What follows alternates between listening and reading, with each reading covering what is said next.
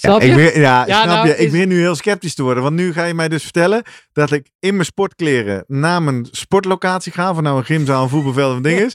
Om vervolgens daar niet te gaan zitten sporten, maar te gaan zitten visualiseren. Welkom bij de Slimmer Presteren podcast. Jouw wekelijkse kop koffie met wetenschapsjournalist Jurgen van Tevelen en ik, middle-aged man in Lycra, Gerrit Heikoop. Over sport, onderzoek en innovatie. Voor mensen die hun grenzen willen verleggen, maar daarbij de grens tussen onzin en zinvol niet uit het oog willen verliezen. In deze aflevering praat ik met Jurgen over de kracht van visualisatie voor sporters. Kun je trainen zonder te bewegen? Epke Zonderland en Erbe Wennemars waren er meesters in. Bewegingen oefenen door middel van visualisatie. Maar hoe effectief kun je trainen zonder daarbij in beweging te komen? En maakt het daarbij uit wat je precies doet? Voordat we beginnen, nog even drie dingen om aan te denken als jij zelf ook slimmer wil presteren. Nummer 1. Druk nu gelijk even op abonneren, zodat je altijd direct in de gaten hebt wanneer er een nieuwe aflevering online komt. Nummer 2. Weet dat je Jurgen en mij ook kunt boeken voor jouw volgende bijeenkomst als spreker of presentator. Neem gerust eens contact met ons op via de contactgegevens hieronder. En 3. Deze podcast wordt geproduceerd en gesponsord door Live Online Events. Serieus goede content rondom jouw congres of event. Check www.loe.tv voor meer info. Ja, Ja. Jurgen, goedemorgen. Goedemorgen. Je veter is los. Shit. Haha, Ben ik- 1 april. Je had het nog zo aangekondigd en dan trap ik er toch gewoon blind in. ja, hè? vrijdagochtend Ja. 1 april 2022 Ja. gaan we het hebben over een bijzonder interessant onderwerp. Eentje waarvan jij op voorhand zei, zo, dat had ik even niet verwacht. Dat Ja, maakt echt wat uit. Nu bij het binnenkomen, ja zeker. Ja, Ja. Toch? Nee, eh, eh, nooit gedacht dat er A, zoveel onderzoek eh, is geweest. En B, dat het ja, meer is dan een placebo-effect, laat ik het zo zeggen. Precies, we hebben het over visualisatie. We gaan Ja. uitzoeken, wat is het precies? Hoe werkt dat dan? En waarom werkt het? En wat moet je dan vooral doen en niet doen? Ik kwam er ook al vrij snel achter dat er verschillende manieren en vormen van visualiseren zijn. Het is een beetje containerbegrip, denk ik. Ja. Voor, visu- ja, voor ons allemaal ook in het dagelijks leven. Toen, ik, eh, toen we het erover gingen hebben, moest ik meteen denken aan eh, op de, nou, bijna precies vier jaar geleden. Nou, precies vier jaar geleden, 1 april 2018, was eh, vlak voor mijn allereerste marathondeelname in Rotterdam. En ik was op dat moment voor zakenreis in Thailand. En ik zat in mijn taperweek, net zoals nu. En Ja. dan word je toch allemaal een beetje onrustig. En dan denk je, nou, wat zijn nog de laatste dingen die je kan doen? En toen dacht ik, ja, parcours visualiseren. Ik dacht, nou, mooi geintje. Eh, ben ik eh, in Thailand naar een tattoo shop gegaan. Ik zie je Met het, zitten, eh, ja, de kijkers op YouTube zien mij zitten. Dit is ook de visual van deze aflevering. Ben ik naar die jongens gegaan. Ik zei, joh, luister, ik heb hier een tekening van het parcours van Rotterdam. Kun jij nou op een of andere manier doen alsof je dat op mijn arm getatoeëerd hebt? Dan kan ik ze thuis in Nederland een beetje laten geloven dat ik echt gek geworden ben. Die vonden het al vrij bizar dat ik een marathon ging lopen. Dus toen heb ik, eh, nou, die hadden daar wel een oplossing voor. Die zei, ja, ik heb wel iets wat ik op je arm kan doen, wat ik gebruik als ik moeilijke tekeningen moet tatoeëren. En als je op de kleurenfoto kijkt, dan zie je dat ook wel. Maar ik dacht, als ik hem dan zwart-wit eh, opstuur naar de familie, lijkt het net alsof ik het parcours van de Rotterdam Marathon op mijn arm heb getatoeëerd. Als laatste ultieme voorbereiding op eh, nou, een mooie prestatie die, Die dag. tekening, die had jij zelf gemaakt. Jij, bedoel, jij nee, maar dat zou ik nu wel kunnen. Ja, Deze heb ik van internet getrokken, een lijntekening van het parcours in Rotterdam. Maar eh, jij kan mij nu op ieder moment in de dag, eh dat komt ook, ik ga het nu voor de vierde keer doen volgende week. Ja. Ik weet elke bocht. Ik, Ja, eh, maar je kan hem dus inderdaad... Dit is een, een 2D-opname gewoon. Ja. Of een, tekening. lijntekening. Kan jij hem ook eh, 3D inderdaad voor je ik, zien? kan, ik kan in principe nu elk stuk van het parcours me wel voor de Ja. geest halen. En dan ben ik daar en dan loop ik daar. Ja. En ik moet ook zeggen, dat heb, heb ik altijd al, eh, ook met triathlonnen, heel veel gedaan. Ja. Heel veel eh, parcours bestuderen, inbeelden, bocht naar links, bocht naar rechts. Als het even kan, bijvoorbeeld hier bij de Keistad in Amersfoort of in Renkum, ga ik liefst zelf even kijken. Ja. Dat Ga doe jij gewoon dan? eh, rijden, parcours verkennen? Nee, ik kijk dan inderdaad of, of op, op Google of gewoon op het kaartje van de organisatie. Om een beetje het beeld te hebben of is een lang stuk, hoe gaan de bochten. En als het dan meerdere rondjes zijn, dan weet je na het eerste rondje al van, ah, voor het tweede rondje, oké, eerst hebben we dit stuk en dan gaan we naar rechts en dan komt de wind tegen of noem maar op. Ja. je Ja, ik wil dat het eh, eerste rondje natuurlijk al eh, graag hebben. Tijdens de wedstrijd kan je ook al gaan, nou ja, visualiseren of inbeelden. Ja. Vraag is of we dat allemaal onder dezelfde noemer kunnen Nou, scharen. als Zullen we beginnen bij de basis? Als Ja. wij het in de sportwetenschap hebben over visualiseren, waar hebben we het Ja, dan dat over? is toch het, laat ik zo zeggen, het inbeelden van een, een beweging gaat het vaak om. Eh, en dan liefst met alle sensaties die daarbij horen. Dus ja, ik zou toch zeggen, ogen dicht doe je dan automatisch. Maar dan ook dat je een beweging aan het, eh, aan het doen bent. Nou ja, je kan of een- service bij tennis of een penalty eh, neemt. En dan moet je eigenlijk ook het gevoel hebben van dat je, nou ja, in, in het stadion bent of op de plek waar het plaats gaat vinden. De geur van het gras of van de gravelbaan of noem maar op. Dus alles doet mee. Eigenlijk, ik wil het breder trekken dan visualisatie. Is een stuk verschenen laatst in Sportgericht. Ja. Eh, van eh Met de titel? eh, de kracht van motor imagery. En daar gaat motor imagery. Nou, motor, dat heeft alles te maken met beweging. Ja. En imagery is inbeelden, inbeeldingskracht. En dat betekent eigenlijk, we moeten het breder trekken dan visualiseren. Dus ik toch voor me alleen maar het visuele stukje. Ja. Dat je alleen maar in het parcours voor je ziet. Dit is eigenlijk, probeer alle, alle sensaties, dus eh, geur, smaak als het erbij komt, eh, ook mee, mee te nemen. En, eh, en op die manier kan jij je, nou ja, er zijn meerdere manieren, kan jij een beweging leren, verbeteren, trainen. Dat is eigenlijk het hele idee erachter van, nou ja, en werkt het zo en hoe werkt dat dan?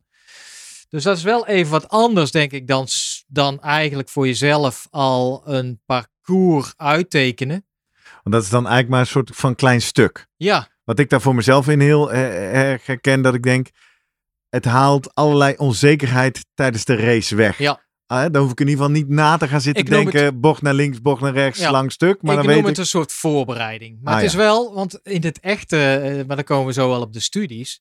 Wat heel belangrijk is bij het echte motor imagery of visualiseren dan, eh, is dat het ook in het tijdsbestek precies eh, hetzelfde tijdsbestek heeft als in het echi. ah, Dus ik zie jou niet ik hier. heb niet drieënhalf uur Nee. het parcours zitten visualiseren. Precies. Nee, en dan nee, moet je, als je het goed doet, moet jij ook eh, ja, eigenlijk jezelf vooruit zien gaan in dat tempo. Bij wijze van spreken het gevoel krijgen van ja, hoe jou, eh, het afzetten van jou, jouw voeten, hoe ze neerkomen. Het gevoel dat je het warm krijgt, dat je een, een drankje aangereikt krijgt. Weet je waar me een dit wel aan doet denken? Nou ja, Eh, maar dat is de andere kant. En dat is niet waar we het vandaag over hebben. Want we hebben het nu over trainen zonder te bewegen. Ja. Andersom overkomt me wel. Ik heb de afgelopen maanden veel lange, rustige duurlopen moeten Ja. doen. Daar luister ik graag podcasts. Maar ook dan nog kan het soms een beetje saai worden. Dan ga ik wel eens daar visualiseren dat ik op een stuk parcours zit. Oh ja, Specifiek ja. dit parcours in Rotterdam. Ja. Dat ik denk, oh ja, maar dit is gewoon dat Kralingse bos. Oh ja, dit is die lange rechte weg. 35 kilometer, kilometer 35 kilometer. Dat doe ik wel. Ja. Of ik zit in een triathlonwedstrijd. Het is dat stuk. Weet je wat dan gebeurt? Ga ik harder lopen. ja, ja. Dus dat is wel. Dus als ik mij inbeeld tijdens het lopen dat ik in een wedstrijd zit, ga ik op een en dan moet ik daarna op het klokje denken, oh, gaat te hard. Ja. Dus dat gebeurt wel. Dat is iets anders misschien, maar Ja, maar dat kan ook zijn dat je gewoon even een positief gevoel krijgt Ja, van, hey, van die ja, wedstrijd vibe. het ja, ja, ja, ja, dat en, is eh, motiverend. ja. Ja, ja. Dus dat, dat- ja, dat speelt daar dus ook doorheen. Hè? Is het motivatie? Is het jezelf oppeppen? Is het afleiding eh, zoeken in je training door aan iets leuks te denken? Ja. En dan kan je inderdaad podcast of muziek opdoen, daar hebben we het ook over gehad. Of je kan aan denken aan leuke dingen. En in dit geval is een leuk ding dat jij De straks race, in het doel. Eh, ja, ja, ja. Dus je merkt gewoon Nou kan ik dat... je vertellen, tussen kilometer 35 36 is meestal niet meer zo leuk hoor. Maar dat gaan we zien volgende week. Daar denk je dan nooit aan. Dat kan natuurlijk ook. Eh, Denk je nou, ook al aan de mindere momenten. En ik denk eraan dat ik hoop dat ik nu die kilometers Ja. op een leuke manier Ja. door ga komen. Ja, maar dat is ook, een- het is eigenlijk, ja, scenario denken Ja. wordt ook vaak daarin meegenomen. Wat als zus? Of wat als ik daar ben en ik heb het zwaar? Of nou, wat ga ik dan doen? Ja. Dus je wil alles eigenlijk uitsluiten. Ja. Van, eh, Wat en- er ook gebeurt, als ik dan twee uur moet duurlopen, dan heb ik 25 kilometer gelopen. En zeker daar eh, ergens eh, in februari werd ik daar nog best wel moe van. Ja. En dan kwam ik thuis en dacht ik, oh ja, ik zit nu pas op dat stuk daar in Rotterdam-Zuid, Ja, ja. vlak voor de brug. Ja. Weet je wel? Dus ik kan wel, ik, ik ken dat parcours in Rotterdam zo door en door. Dat, geef mij een kilometergetal, kan je beschrijven wat, hoe het eruit ziet daar. Ja. Dat is wel zo. Ja, nou ja, goed. Dus het- ik, daar kan ik eigenlijk niet veel over zeggen. Of daar nou wel studies, maar dat lijkt me redelijk dat, ja, iedereen doet het tegenwoordig. Die Tour de France renners. Ja. Die van tevoren gaat, of de, de ploegleider gaat er vaak al naartoe. En die, eh, die nemen het parcours op. Ja. op eh, of ze kun je met Google Maps tegenwoordig kijken. En dan, nou ja, op dat manier is het gewoon vaak versneld even of de belangrijkste punten aangeven. Let op die bocht daar. Ja. Nou, een tijdrit heel vaak, die wordt van tevoren wel geoefend al eerder in het seizoen. Eh, nou ja, volgens mij bij uh, Sportlab Doc, we hadden het toen over de uitzending Annemiek van Vleuten. Ja, voor de nieuwe luisteraars. Jij bent eh, nauw betrokken bij Ja. het tv-programma Sportlab Sedok als de wetenschapper in dat programma. Ja. En wetenschapsredacteur. Ja, in seizoen 1 was er een af- aflevering met Annemiek van Vleuten. En het ging Bijna erom, vriendin van eh, de show, maar over ja. het parcours in Tokio. Het ging erom dat eh, met een, eh, een VR-bril eigenlijk, ze hadden eh, opnames gemaakt, dus eh, in, in 3D eigenlijk, ehm, niet zijzelf, maar iemand voor haar van dat hele parcours. En eh, ja, met die beelden kon zij via een VR-bril zich voorbereiden op. Dus ja, daar kom je achter, kan je in een rustig tempo, denk ik, dat biedt wel die mogelijkheden om gewoon heel rustig achterover, ogen dicht, is rustig voor jezelf te zien. Oké, wanneer komt die bocht? En dan ga je ook al het volgende stukje misschien. Nee, je zegt heel rustig, was gewoon op wedstrijdsnelheid, toch? Ja, nee, precies. Ja, ja. Maar dat bedoel ik niet dat je, zeg maar, die eh, nog versneld gaat afkijken als je Exact. een rit van Je 200 kijkt ze op real-time. Ja. Ja. Eh, ja, dus die mogelijkheden zijn er. In de tussentijd is Annemiek van Vleuten echt wel een keer naar Japan geweest. Ja, om het ook echt zelf Ja. te rijden. Ja.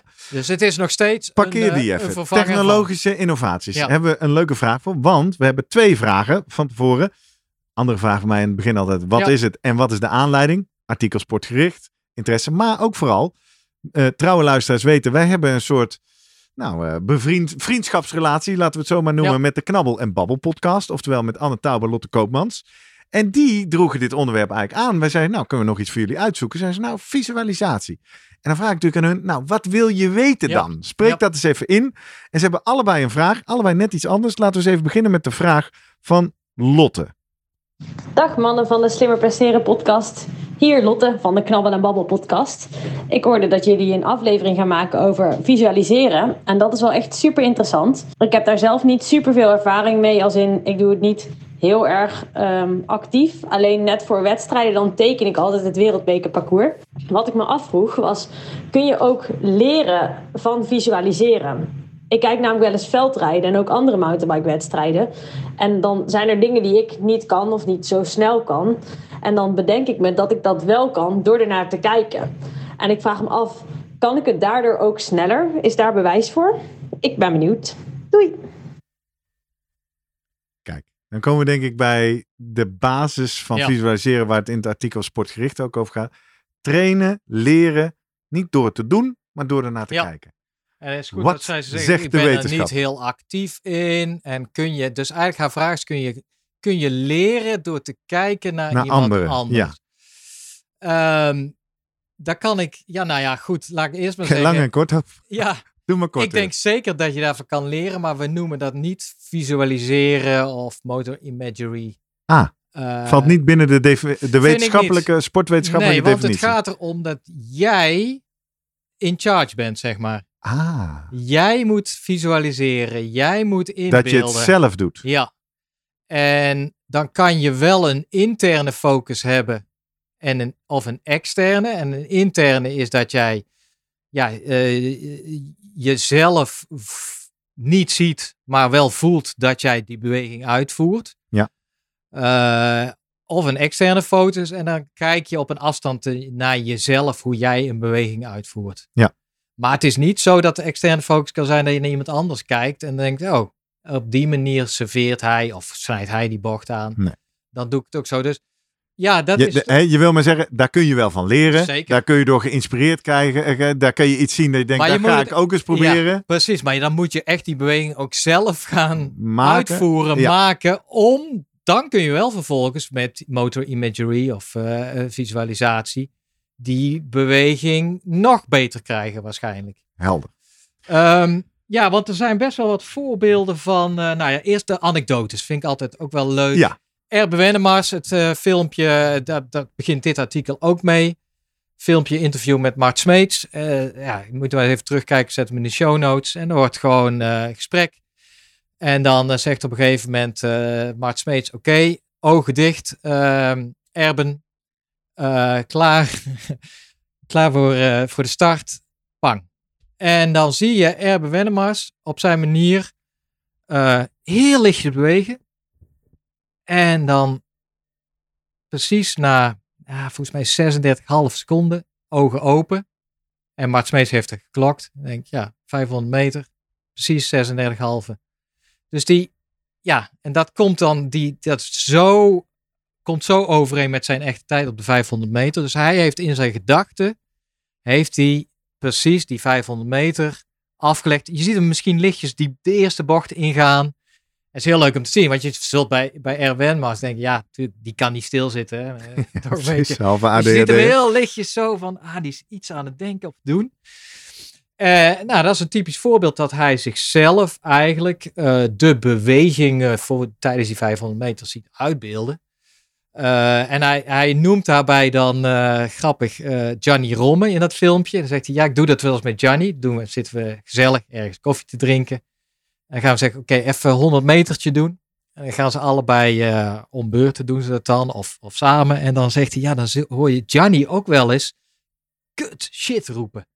Omdat hij een misslag Een maakt. misslag Ja. visualiseert, niet waar? Ja, en hij, dus dat is dan, zit hij er zo, ja, voor hun is dat zo levendig. En daar gaat het natuurlijk om, hoe goed kan jij jezelf wel inbeelden, hè? Ja. En daarvoor heb je een bepaalde expertise nodig.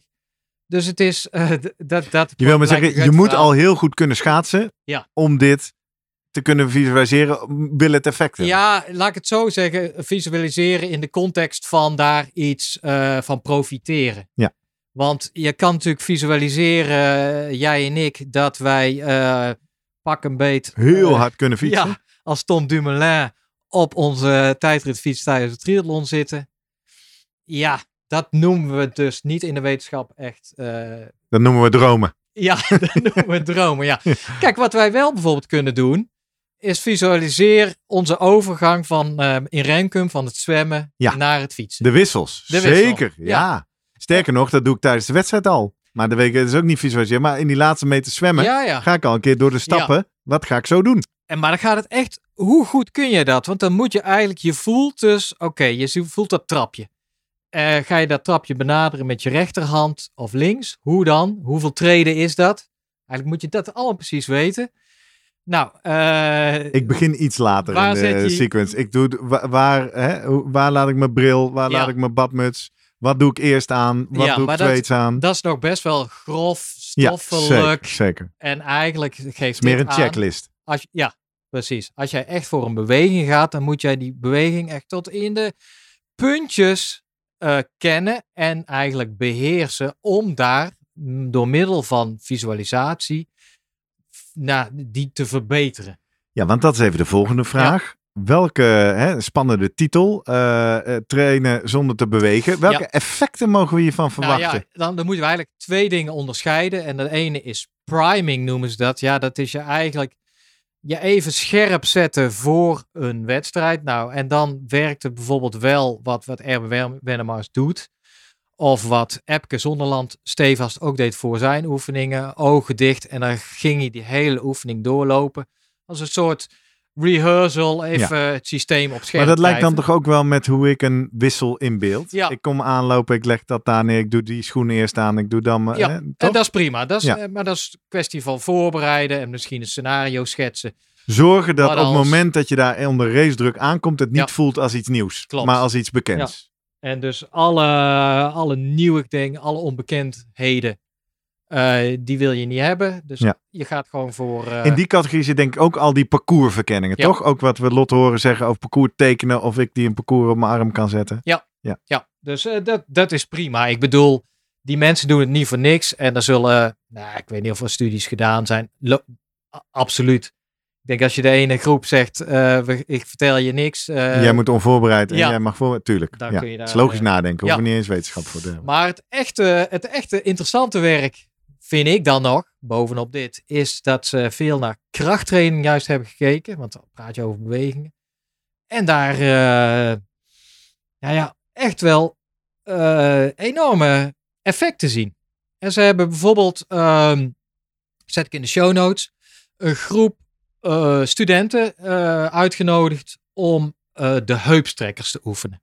En normaal doe je die natuurlijk in een bepaalde, ja, in, een- in een fitnesszaal. Ja. Ik weet niet hoe die. Heupstrekken hoe- is een lunch. press- Of wat? Oh, ja, maar in een apparaat. Hè? Ja, ja, in een Dus je duwt die naar voren, je strekt je been. Ja. Of je zit zo ja, juist met je bovenbeen, dat je die omhoog omlaag Leg doet. press, ja. Die leg press. En hebben ze eigenlijk zes weken lang, misschien was het iets korter, drie keer per week eh, die mensen laten komen. De ene groep ging voor het echi. De andere groep, die kwam denk ik wel in die fitnesszaal. Die hoefde niet op dat apparaat te gaan zitten. Misschien deden ze dat ook nog, maar... En die moest je gewoon inbeelden dat zij die oefeningen deden, maar dan wel precies. Dus ze, wa- ze waren wel ervaren met het protocol. Maar dan ook hetzelfde tempo en dan uitgelegd, oké, dit is 80% van je, of 75% van je max. Moet je nu 10 keer doen, dan krijg je 15 seconden rust. Doe je het nog een keer. En eh, bleek gewoon dat na die trainingsperiode en de controlegroep die dan niks deed. En het bleek gewoon na die, eh, die trainingsperiode dat de eerste groep die echt trainde, nou die ging volgens mij met pak een beet 30% vooruit, 35. Maar die tweede groep, nou, die ging echt nou, eh, tussen de 20 25% vooruit. Ook. Ja. Ja, dat is echt, on- dat, dan denk je, hoe kan dit? Nou, Nou, hoe kan dit? ja, dit heeft dan te maken, ze hebben dat wel, er zijn heel veel van dit soort studies gedaan, maar ze hebben ook uiteindelijk naar activatiepatronen in de hersenen gekeken. En daar zie je uiteindelijk dat eh, ja, dezelfde hersengebieden gaan oplichten tijdens zo'n visualisatieoefening als tijdens de echi. Ehm, het overlapt, laat ik het zo zeggen. Kijk, het verschil zit er maar in dat in het echi krijgt die gebieden krijgen ook nog input vanuit je Van spieren, spieren, ja, ja, ja. misschien je hart of noem maar op. Allerlei, eh, in ieder geval sensorische informatie. Die ontbreekt daar, maar je ziet uiteindelijk, ja, dat is de, de motorschors die bepaalt uiteindelijk van, eh, daar zitten de motorcentra die sturen je spieren aan. En dan zie je dat op die manier, door middel van visualisatie, worden die ook geactiveerd. Dus ze zien daadwerkelijk dat daar een, best wel een overlap is. Ze kunnen daar ook zien van, ja, wie, wie beter kan visualiseren en wie dat minder goed doet. Toch Want- even checken. Na deze periode zijn de proefpersonen die gevisualiseerd hebben bijna net zoveel sterker geworden. Ja, nou Dus ja, er- er zet is in die de spieren- helft, de helft tot twee Is derde echt iets gebeurd. Nou, nee, ja, niet in die spieren zelf. Ah, Dat- nou alleen ja, maar in de central governor. Waarschijnlijk. Ja, Central Governor, ja, in de Hè? motor- nee, maar in, je, in je motorcentra. brein. Ja, In de aansturing. dus daar heeft iets te maken met aansturen inderdaad van, van de zenuwen. eh, sneller, eh, beter. Eh, de verbindingen ook daar in die hersenen waarschijnlijk. Kijk, ze... Zou toch- dit te maken hebben met, doe me maar opeens denken. Twee weken geleden hebben wij van Geert Savelsberg geleerd over de magische en zwaar onderschatte factor coördinatie. Ja. Zou het kunnen dat je van het visualiseren wellicht op Dat- die coördinatietraining effect hebt? Het heeft alles te maken met uh, ja, motorisch aansturing, leren. En, ja. ja. ja, nee, zeker. Helemaal mee eens. Dat er met de spieren echt iets gebeurt. ehm, ja, ze hebben ook wel eens met EMG, dus de elektrische activiteit gemeten. En dan zie je toch altijd dat wel, ja, net zoals Wennemars kon niet helemaal stilzitten. Iedereen die echt goed visualiseert, zie je dan toch een beetje dat hij, ja, als je het goed doet, Er gebeurt ook iets. ja, dan span je toch wel iets aan. Is er wel wat activatie. Dus je kan niet helemaal uitsluiten. Maar ja, je, je- op zich. Kijk, eh, het beste zou zijn als ze in die studies dan ook nog die spieren apart, zeg maar, eh, ja, kijken naar de maximaal kracht los van. Dat is niet zo vaak, denk ik, gebeurd. Want ja, eh, ik denk dat ze kiezen natuurlijk ook oefeningen waarbij denk ik coördinatie heel belangrijk is. Ja. Dat, dat Ja. kan je niet uitsluiten. Maar ik was, eh, en eh, dit is heus niet de enige studie, want je eh, ehm, laatst ook een studie juist bij, bij D-training, bijvoorbeeld in corona hadden ze een groep basketballers ehm, uit Amerika, staat ook in dit artikel beschreven. Je wijst Ja, nu op sportgericht. Ja, die konden een tijdje gewoon niet, eh, geen wedstrijden spelen. En dan kregen zij eh, wat eh krachtsoefeningen, dus weerkracht. Volgens mij ging het om squatten en ook een soort benchpress-achtig ding. En dan zagen ze eigenlijk in vergelijking met de groep die dit niet deed. Zij moesten nog wel hardlopen in de tussentijd. Ik denk dat ze misschien niet in een zaal terechtkomen of zo. Dus echte basketbaltraining zat er gewoon niet in. En dan keken ze naar een aantal uitkomstparameters. Bijvoorbeeld sprongkracht. eh, en puur spierkracht eh, in de benen. En dan zagen ze gewoon dat die groep die het visualiseerde eigenlijk ja, eh, goed in staat was om, eh, om hun kracht te behouden op die manier. En dit is wel, moeten we niet vergeten, dit doe je niet even ja, een uurtje per week. Nee, dit gaat echt al om programma's die wekenlang duren. Van, varierend van drie tot zes tot acht weken wel. En dan, Dus in het geval van deze basketballers Twee, kreeg te maken met een lockdown. Ja. En vanuit hun trainer werd dan gezegd: ga nu een uur krachtoefeningen visualiseren. Ja, in plaats van in je eigen tuin squats. doen? Ja, maar wel dus netjes. Kijk, kijk, ze waren bekend met de oefeningen. Dat moet Ja. wel. En dan ook precies op hetzelfde ritme. Dus maar in het- theorie liggend in je bed. eh, je moet een goede stoel, een goede plek vinden. Ja, nou ja, daar Nou, waar komen ik we even zo naar op zoek ben, praktische Ja, ik uitvoering. bedoel, gaan, Ja. we, gaan we dit nou. gaan we hier nou trainingen mee vervangen? Wil, Nee. nee, ja, toch? Nou ja, dat zit- er beter echte squats doen dan squats inbeelden. Ja, nee, dus waarom zou je dit doen? Er wordt dan gezegd voor mensen die inderdaad geblesseerd zijn. Ja. Bijvoorbeeld tijdelijk. Of eh, even niet naar de sportschool kunnen. Ja. Op die manier, omdat die dicht is. Of toch thuis zitten in de, en nou ja, even een half uurtje over hebben. Dan is het een goede nou, aanvulling, denk ik. Kijk, eh, je bent benieuwd. Stel, nou ja, ik, nou, nou, dit is wel een fantastisch verhaal. Komt ook altijd terug. Er is een, ehm, een legerofficier. Ja. Eh, Amerikaans. Die moest. eh, het was een ja, recreatieve golfer, maar wel best wel fanatiek. En die had een, een vast baantje waar die oefende, maar dat had een behoorlijke handicap. Pak een beetje plus eh 18. En die werd uitgezonden naar Vietnam. Eh, werd daar krijgsgevangen genomen. Heeft zeven jaar in de bak gezeten. En die heeft, eh, ja, nou, was geen fijne tijd, duidelijk. Eh, Kon, kon niet naar buiten, mocht niet naar buiten. Maar wat hij gedaan heeft, is elke dag heeft hij een stuk van het parcours, of van de, van de, de, de, De goalbaan. de 36 holes, elke hole waarschijnlijk, echt, nou ja, tot in den treuren gevisu- gevisualiseerd dat hij daar, dat hij die baan liep, dat hij afsloeg, dat hij putte. En ehm, zeven jaar volgehouden en hij komt terug in Amerika en hij loopt die baan en hij doet het echt fantastisch. Ja, dat is dan een NXT. En dat is dan het anekdotisch Ja. bewijs van kijk eens hoe goed die man Ja. getraind heeft door alleen maar te visualiseren. Maar er zijn ook Olympische sporters. eh, een, een schoonspringster die geblesseerd was geraakt aan de voet. En dan eigenlijk tot twee weken voor de Olympische Spelen alleen maar door middel van visualisatie haar sprongen heeft kunnen oefenen. Maar dat wel ja, heel op het, met hetzelfde train, trainingsschema deed zoals ze al gewend was. Ehm, dus ja, daar zit ontzettend veel kracht in. Ehm, de vraag nu is, en dat is een goeie, want ja, ik heb nog een beetje het eh, idee van dat nou, ga nou niet denken van, ah, goed, lekker vanuit de luie stoel. Ik ga ook eens even een. Hè? eh, Dat eh, was de Ja, dat we wel, die, ja. die natuurlijk op de, op de kop van deze aflevering staat. nou, dat doet eh, Nicky goed. Die, die geeft Nicky, de auteur van Ja. Sportgericht, hè? Die geeft uiteindelijk ja, handvatten of in de praktijk, heet het dan ook. En Hoe Jurgen, pas je dit Jurgen, toe? Voordat we die praktische tips gaan doen, even één andere tip. Jurgen, wat is eigenlijk het slimste moment om je badkamer schoon te maken? Direct nadat je hem gebruikt hebt natuurlijk. Meteen na het douchen, gelijk sprayen, even laten inwerken, afnemen met een zooddoek en klaar. Aha, dat klinkt slim. Schoonmaken gaat super gemakkelijk met een slim schoonmaakpakket van Zo. 100% natuurlijk, vegan en zonder verspilling. Vanaf nu ook verkrijgbaar via onze Slimmer Presteren webshop of via zooschoon.nl. De truc is niet schoonmaken, maar schoon houden.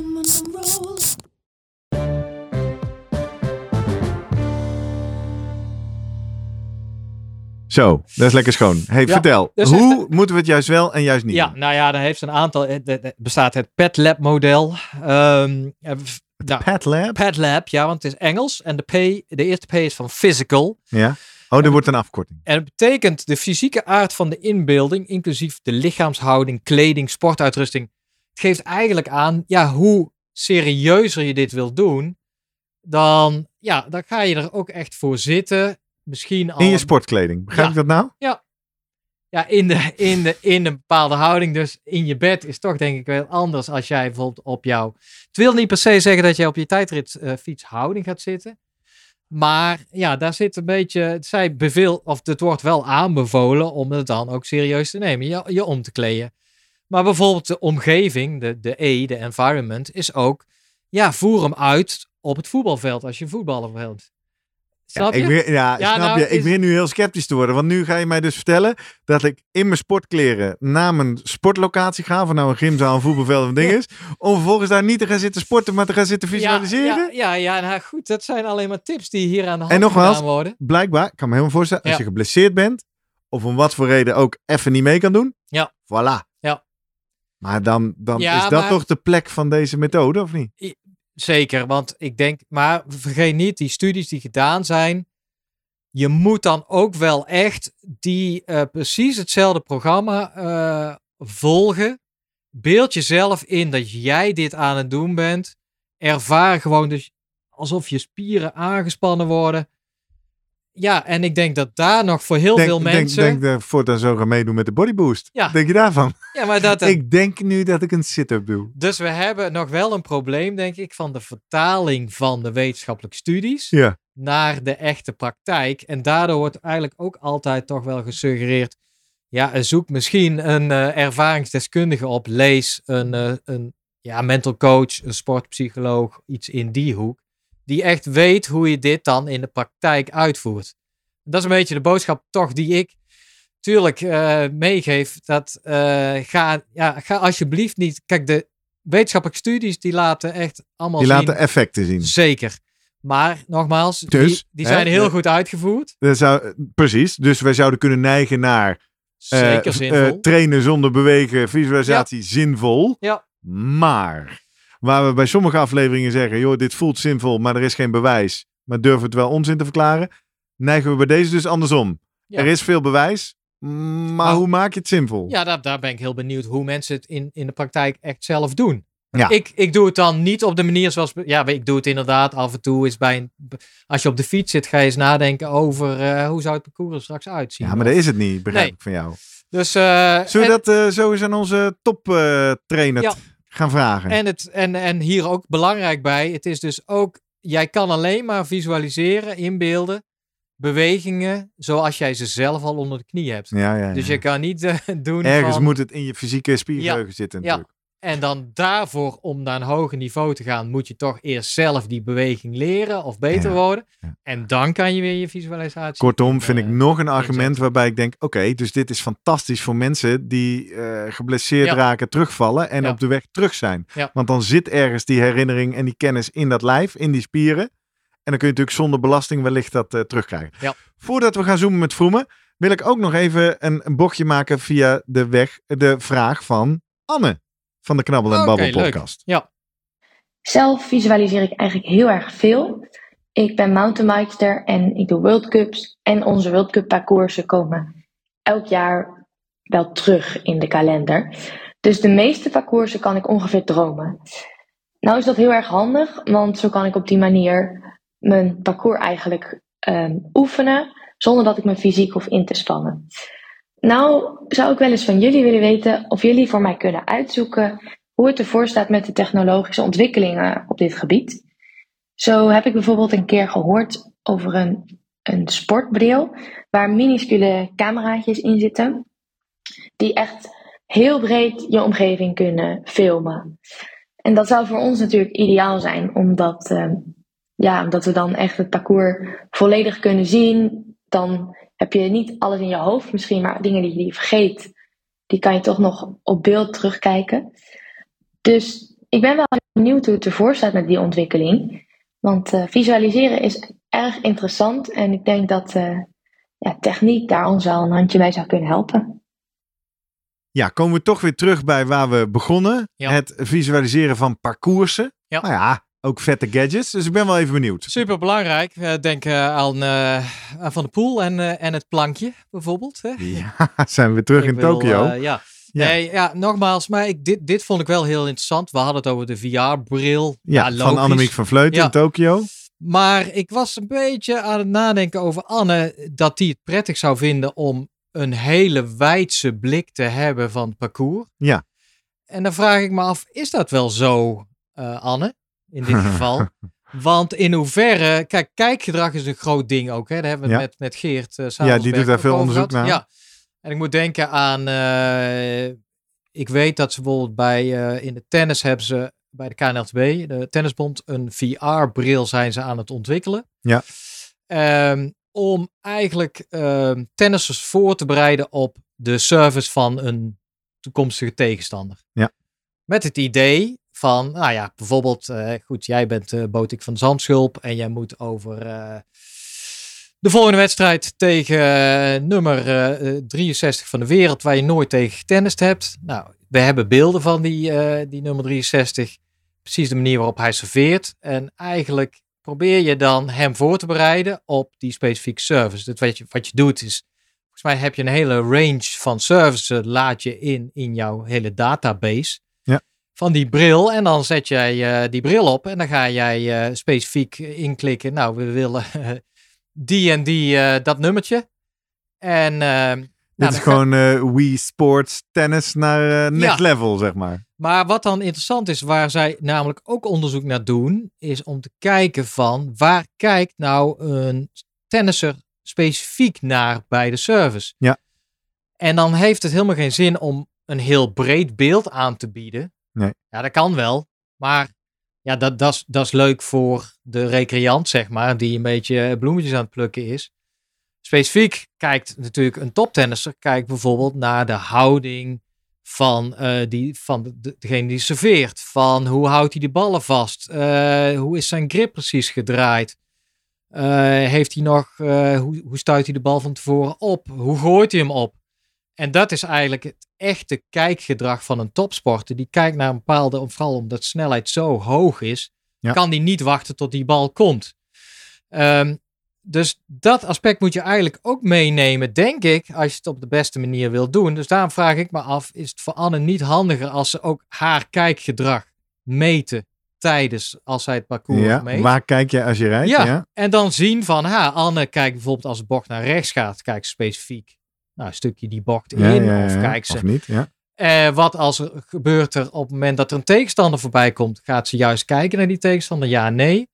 En dan op die manier erachter komen van wat, uh, nou ja, wat de plussen en minnen misschien van haar kijkgedrag zijn. Hoe dat verbeterd kan worden. Er zijn twee aspecten. Kan je Ja, kijkgedrag verbeteren? Ja, dat is een ander onderwerp dan zijn vraag natuurlijk. Maar je zou zeggen, hier, hè, je vertelt dus eigenlijk nu technologische innovaties in het tennis. Ja. Eh, en ik ken, volgens mij in een van de laatste afleveringen van BVSC, zat een promovenda, ongetwijfeld eentje van Geert Savelsberg dan, die onderzoek had gedaan bij honkballers. Oh ja, Naar Ja. wanneer bepalen zij nou waar of ze slaan of niet. Ja. En dat was echt na onderzoek, want hadden ze dus dat oog Ja. werd ook dicht gedaan. Hè?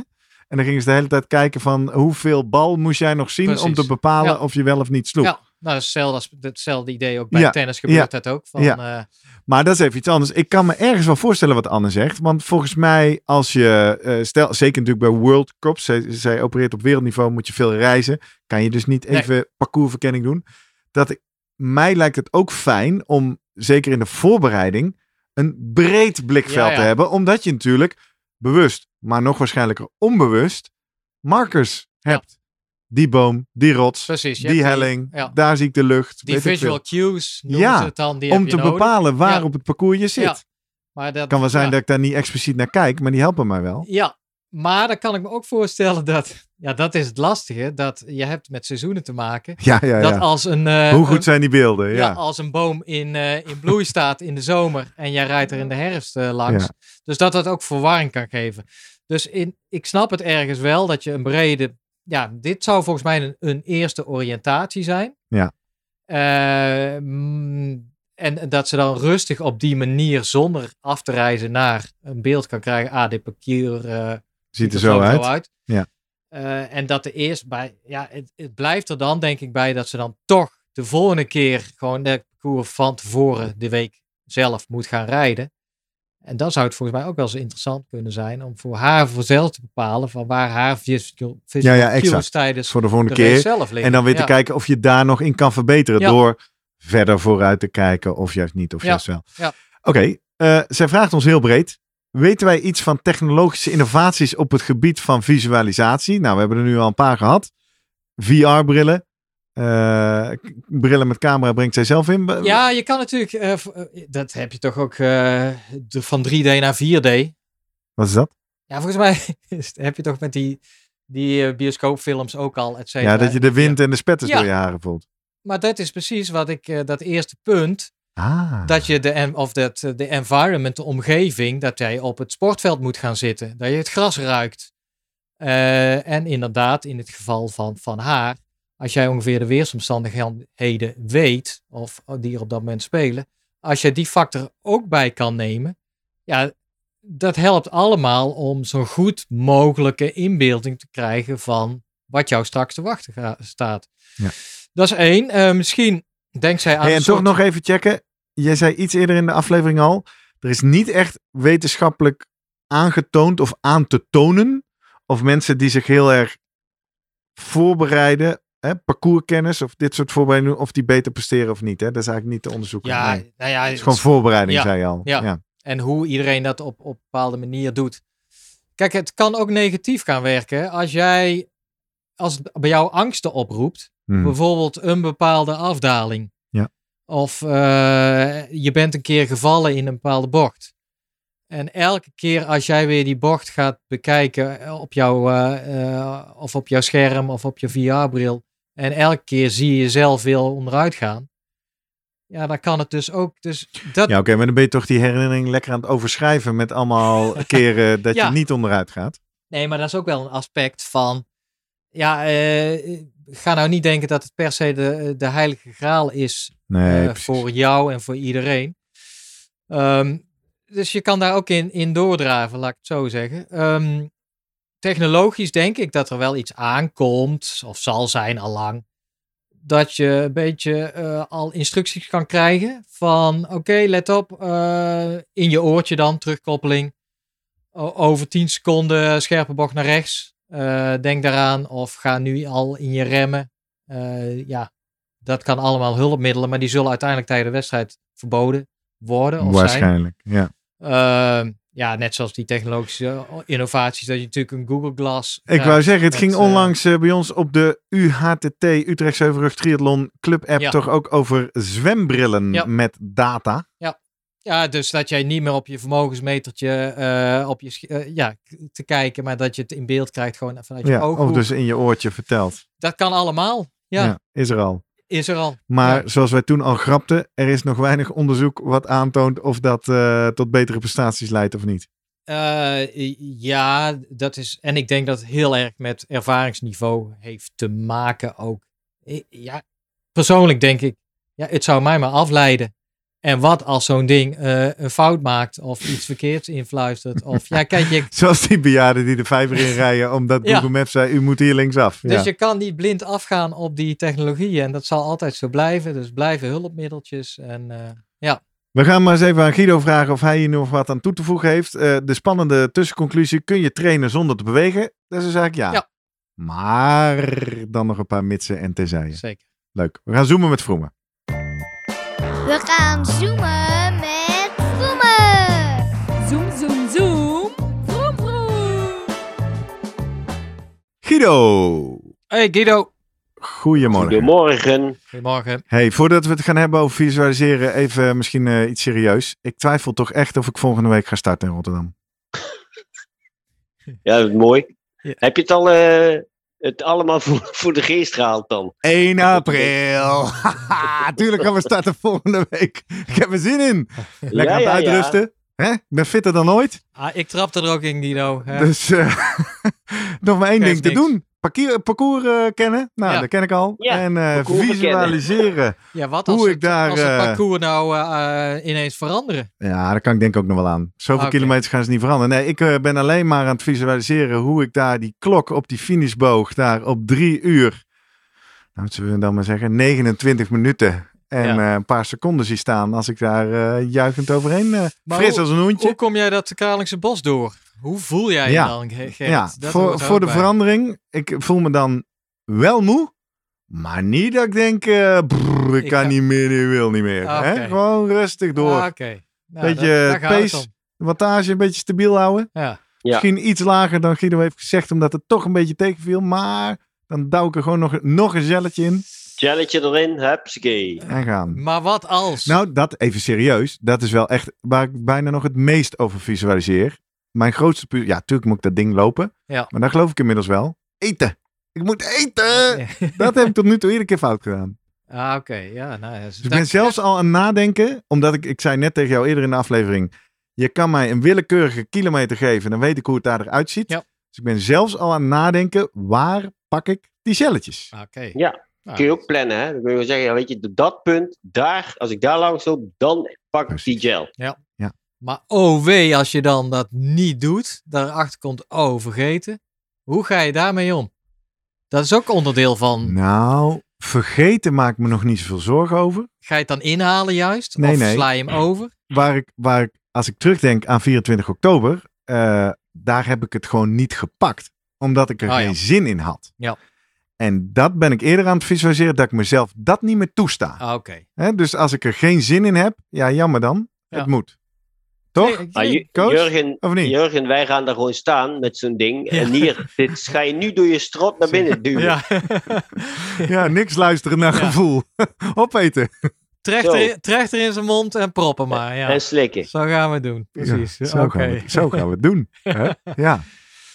Dus, hey, visualisatie hebben we het over, Guido. Heb jij daar, eh, wat, wat, wat komt er bij jou boven als je daaraan denkt? Parcourskennis zijn dat vaak dingen, hè? Dus dat je het weet van, ja, je verkent het parcours vaak. Kijk, bij een marathon lopen is dat minder spannend. Ja. Ehm, als je een, ehm, een triathlon, eh, een wedstrijd, eh, ehm, eh, voor mijn part, een, als het een Ironman is, dan moet je toch wel bepaalde, bepaalde passages wel verkennen om te weten van, ja, hoe steil is die klim? Ehm, dat ik weet van welk verzet heb ik daar nodig als het heel steil wordt. Mountainbiken, daar zitten natuurlijk ook nog min, meer moeilijkere passages in. Downhills, rock gardens, noem het allemaal maar op.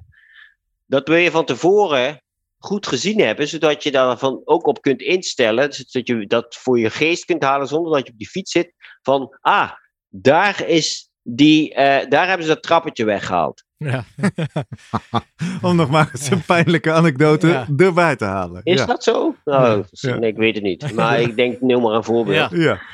Maar dat, is- weet je, je moet dus, dat is wel een voordeel als je jezelf, als je gewoon al voor de geest kunt halen, zo loopt dat parcours. En daar, daar is het een lastig stuk en daar moet ik focus hebben. Daar kan ik weer extra hard naar boven. Dat is eigenlijk gewoon, geeft jou ehm, zelfvertrouwen. Kijk eens even naar jouw toppers. Hè? Eh, dan noem ik toch altijd Jetsen en, en Anne. Bijvoorbeeld als die in Dat het buitenland... Anne Terpstra die zitten in het buitenland. eh, belangrijke race, World Cup-achtig ding. Of misschien Olympische Ja. Spelen. Die gaan van tevoren altijd het parcours eh, eh, verkennen. En betekent Ja. de eerste keer in een rustig tempo om eigenlijk alles in zich op te nemen van... Oké, ja, wat moet- je zeggen? Dat is, niet, dat is wandelend. dat Oh is ja? wandelend, oké. Ja. Ja, met de fiets. course check. Wat Anne altijd doet, is eerst wandelen over de route en alles goed bekijken. Ah, oké. Daar begint het al mee. En dan kan ze al zien van, ja, ja, weet je, zo kan ik hem nemen of zo kan ik hem nemen. Noteert, hebt altijd, ja, noteert ze dan iets in, eh, of is het allemaal in haar hoofd dat ze denkt, op dat moment al inderdaad nadenkt, hier ga ik links, hier ga ik rechts. ja, ik weet niet of ze het noteert, ja. of dat ze het zo weet en zo. Ze neemt fotootjes, ah, filmpjes. Oké, ja. Ik weet nog dat ik heel veel filmpjes eh, la- toen kreeg van het Rio-parcours, toen ze daar was geweest. Ja.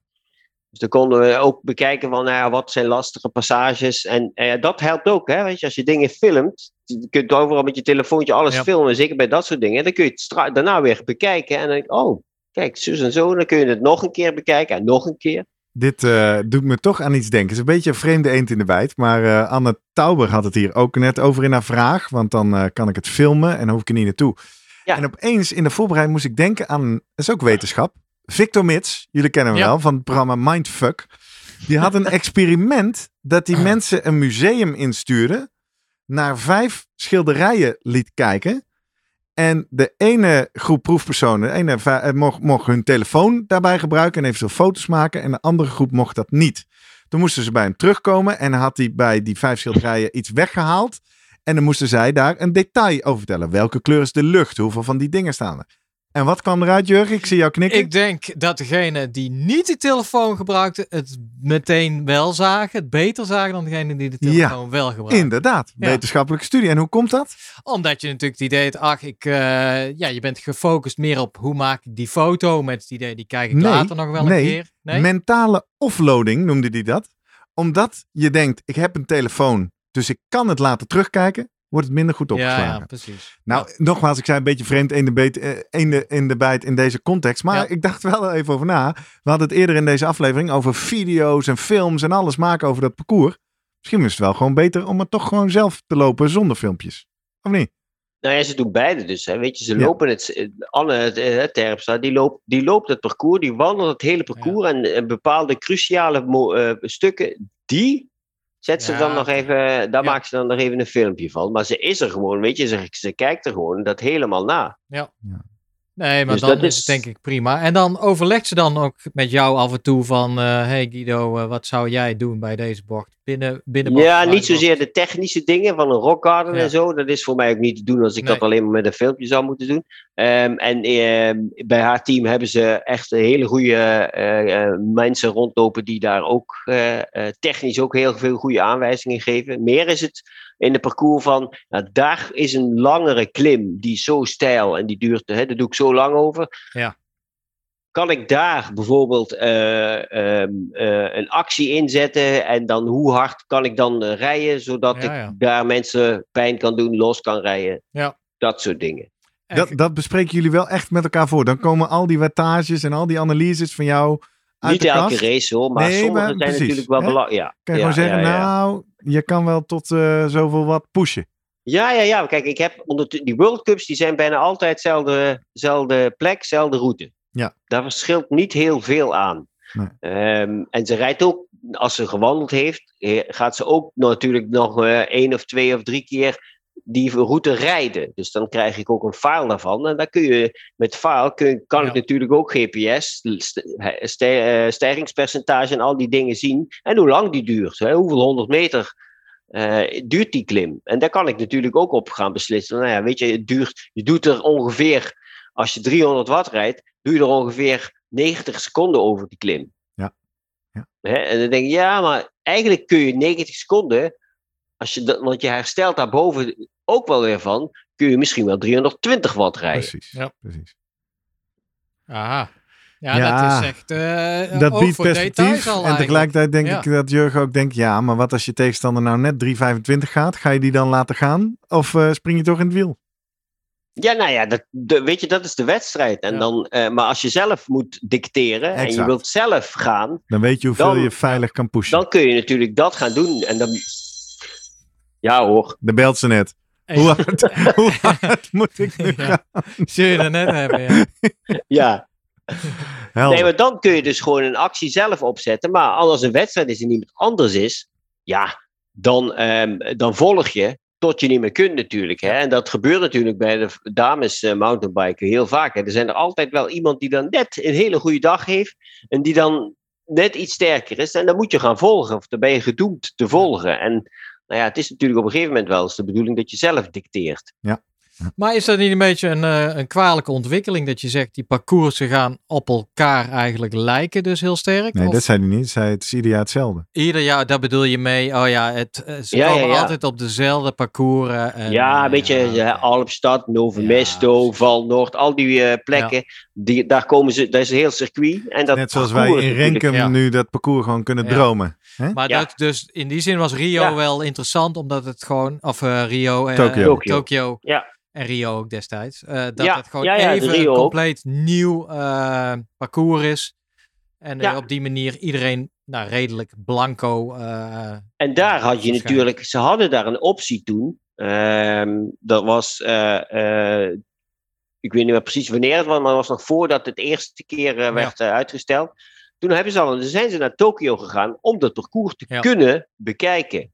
Ja. En dat heeft ze toen ook gedaan. Hè? Daar heeft ze heel veel Ja. kennis al kunnen verzamelen. Ja. Waar bijvoorbeeld Mathieu van der Poel niet naartoe was gegaan. nee, Diddy only. Hey, en dan toch even de andere kant van visualiseren, waar wij het in de aflevering over hadden, Jurgen. Ik heb het in mijn trainingsschema nog niet voorbij zien komen, Guido. Maar ik heb net geleerd dat als ik mijn renkleren en hardloopschoenen aandoe en buiten op de weg heel goed ga visualiseren dat ik ren, dat dat ook trainingseffect zou kunnen hebben. Doe je daar wel eens iets mee in jouw eh, begeleiding of trainingsschema's? Laat ik dat even afzwakken. Het gaat erom als je bijvoorbeeld geblesseerd bent en jij wil eh, krachttraining doen. Dan kan jij, als jij goed kan visualiseren, hè, dan gaat het Ja, ja, ja, goed en bewust. Ja, dan eh, kun jij ervoor zorgen dat je eigenlijk bijvoorbeeld weinig krachtsverlies krijgt op het moment dat jij... Ja, Door te visualiseren dat je de oefeningen doet. Ja. Ken jij, doe jij dat wel eens? Ken, ken je atleten die dat op die manier eh, eh, doen? Eh, eh, nee, eerlijk gezegd niet. Nee. Nee. Maar Nee, mooi heb ik niet onderzoek. Ja, ja. Dus luister. Maar nou ja, ik heb liever fitte atleten die gewoon zelf die trainingen kunnen blijven doen. Dus Snap dat ik. doe ik mijn eerste best voor. Ja. Ja. Maar het is goed om te onthouden, want stel dat dat toch gebeurt en dat ik iemand heb, oh wacht, dan moeten we dit eens ook eens gaan proberen. Ja. Ja, ga je maar inbeelden dat je het aan het doen bent. Dat heeft, nou ja, maar dus, ja, Jurgen zat hij zelf ook voorbij. Dat heeft dus nog behoorlijk trainingseffect ook. Is gewoon eh, aangetoond. Ja. Liep alleen een beetje tegenaan, hoe maak je het praktisch? Maar goed, ja, dat eh, in een revalidatietraject waarschijnlijk. Ja. Ja. Of zoek iemand die er echt goed in is. Ken jij eh, ehm, sportpsychologen, mental coaches, gespecialiseerd in eh, visualisatietechnieken? Eh, werk jij daarmee samen? Ehm, nee, nee, nee. Want ja, weet je, ik zei al, ik, werk, ik doe er nu zelf ook niet zo heel veel mee. Dus ik heb er ook nog niet direct mee te maken Ja. gehad. Want dan had ik al meteen wel gezocht of ik mensen nodig heb Ja. die, die ik daarvoor kan bereiken. Maar ik heb wel zeg maar, een sportpsychologen-netwerk waar ik dan terecht kan. En dan heb ik wel snel iemand gevonden die daar gewoon heel goed in is. Ja. Nou, kijk Gerrit, ik denk ook eh, eh, verschil maken. Duursporters is sowieso per definitie heel, la- ah, heel lastig, want je moet eigenlijk het, de visualisatie net zo lang doen als jouw echte training of wedstrijd. Drieënhalf uur Ja. hier op de st- Dus eh, heel fijn door dat Kralingse bos. Eh, over twee uur zit je daar dan. Is goed nu. voor eh, je Ironman-atleten dan. Oh Ja. ja, je, man. heel Ja. dagje. Ja. Nou ja. Nee. Leuk, wat ik leuk vind aan dit onderwerp. Enerzijds heel pragmatisch, logisch nadenken. Veel tips en tricks. Moeite waard om je goed voor te bereiden op het parcours. Anderzijds een wetenschappelijke noviteit. Waarvan wij in de praktijk nog niet zo goed weten hoe we dat nou moeten toepassen. Maar wel eh, leuk om hier te ontdekken in de podcast. Iets waar we over door zouden moeten praten, zou ik zeggen. Ja. Toch? Aflevering. eh, Reageer. ja, kortom reageer. Maar dit is aflevering 92. Wie goed kan rekenen weet dat dat er nog maar acht, nog maar acht. Jurgen. En dan zijn we bij nummer 100. Denk je dat we het halen? Oeh, Ik denk het wel. Als ik het nou, doe je ogen dicht. probeer Visualiseer. vinden, eh, dat je al in Leersum bent. het is en- zaterdagochtend 21 mei. Het Het is zonnetje schijnt. het zonne, Ah, tuurlijk, het zonnetje heerlijk. schijnt. Het Ja. is een mooie ja. lentedag. Ik zie mensen aankomen met een mountainbike of loopschoenen. En Of een ze, wielrenfiets. ze hebben een shirt aan. Ze hebben, Ze hebben een mooi wit, ze slim hebben een boek meegenomen aan. wat ze willen laten. Hebben ze allemaal besteld in de webshop. door, eh, ja, ja, ja. nog een keer dubbel signeren. Want als ze besteld hebben in Ja. de webshop, is hier al gesigneerd. Ja. Het is half tien 's ochtends. Ze komen binnen, lekker bakje koffie in de Binder in Leersum. Er is daar een mooie grote theaterzaal. En eh, ja, dan zijn wij ook. En eh, misschien hebben we daar wel leuke testjes en poefjes. En niet te vergeten, toch is goed om daarover te praten. Daar staan ook 100 goodiebags klaar. Oké. Want het is niet alleen een fantastisch evenement, maar je krijgt ook gewoon, hè, we jaren gestrakteerd. Dus we hebben gewoon cadeaus. Zo Schoon heeft een mooi eh, pakketje in de goodiebag. Blackroll heeft een mooi cadeautje erin. En nog een paar meer partners, maar dat moet je maar komen bekijken als je er bent, als we gaan unboxen. Kortom, eh, misschien is er nog een ticket te krijgen. En anders op de zwarte markt. En als je heel graag wil en hij staat op uitverkocht, En alles maar visualiseren, jongens. visualiseren. Of Ja. misschien maken we wel een mooie livestream en moet je dan maar online meedoen. En dan haak je om één uur aan als we gaan fietsen of lopen. Zoiets. We maken er een mooie dag van. Dat is op 21 mei. Kaarten te krijgen via de webshop. Slimmer presteren podcast of slimmerpodcast.nl slash webshop. Daar vind je dus ook zo'n mooi sportshirt. Daar vind je ook een gesigneerd exemplaar van het maakbare uur. Een zoektocht naar de ultieme wielerprestatie. Geschreven door Eh ene van Tevelen. Jurgen van Ja. Tevelen zelf, precies. Nou, als je daar interesse in hebt, kom kijken op de webshop. Als je zegt, nou, ik kan die dag niet, maar ik wil wel meesporten, meld je dan aan voor de exclusieve Slimmer Presteren podcast Strava Club. Voor vrienden van de show. Als je nog niet bent, dan word je natuurlijk vriend van de show. En eh, we willen wel eh, jouw tips en tricks over eh, visualiseren ook graag horen. Hè? Kan op een aantal manieren. Via de sociale media zijn wij te vinden op Twitter, @slimmerpodcast En op Instagram als Ik zit niet op Instagram. Ja, klopt. nou, dat is heel makkelijk. Ook het slimme podcast. Ah, Handig, hè? Het is gewoon hetzelfde. Kun je niet vergissen. Nou, dit zou een reden zijn dat ik op Instagram ga. Ja, ik zit er wel op, ik maar wou zeggen, ik tag Ja. jou iedere week netjes. Maar eh, ja, er gebeurt weinig. Weinig hartjes van eh J van Tevelen op. Instagram. Maar goed, eh, daar kun je ons vinden. Maken we dus van iedere aflevering een post. Die kan je retweeten, hartjes opgeven, eh op reageren. Vinden we leuk. Je kan ook naar onze website. Niet alleen om in die webshop tickets of shirts of boeken te bestellen. Maar ook om deze aflevering terug te vinden met alle show notes en het verhaal. En die link door te sturen aan iedereen voor wie deze aflevering interessant is. En je kan ons ook mailen via post.slimmerpodcast.nl Eh, expliciet, dankjewel Anne Tauber, Lotte Koopmans van de Knabbel en Babbel podcast voor deze leuke bijdrage weer aan deze aflevering. Dankjewel Guido voor je expertise. Hey Guido. Yo. Hoi. Jurgen, tot volgende week. Tot volgende week.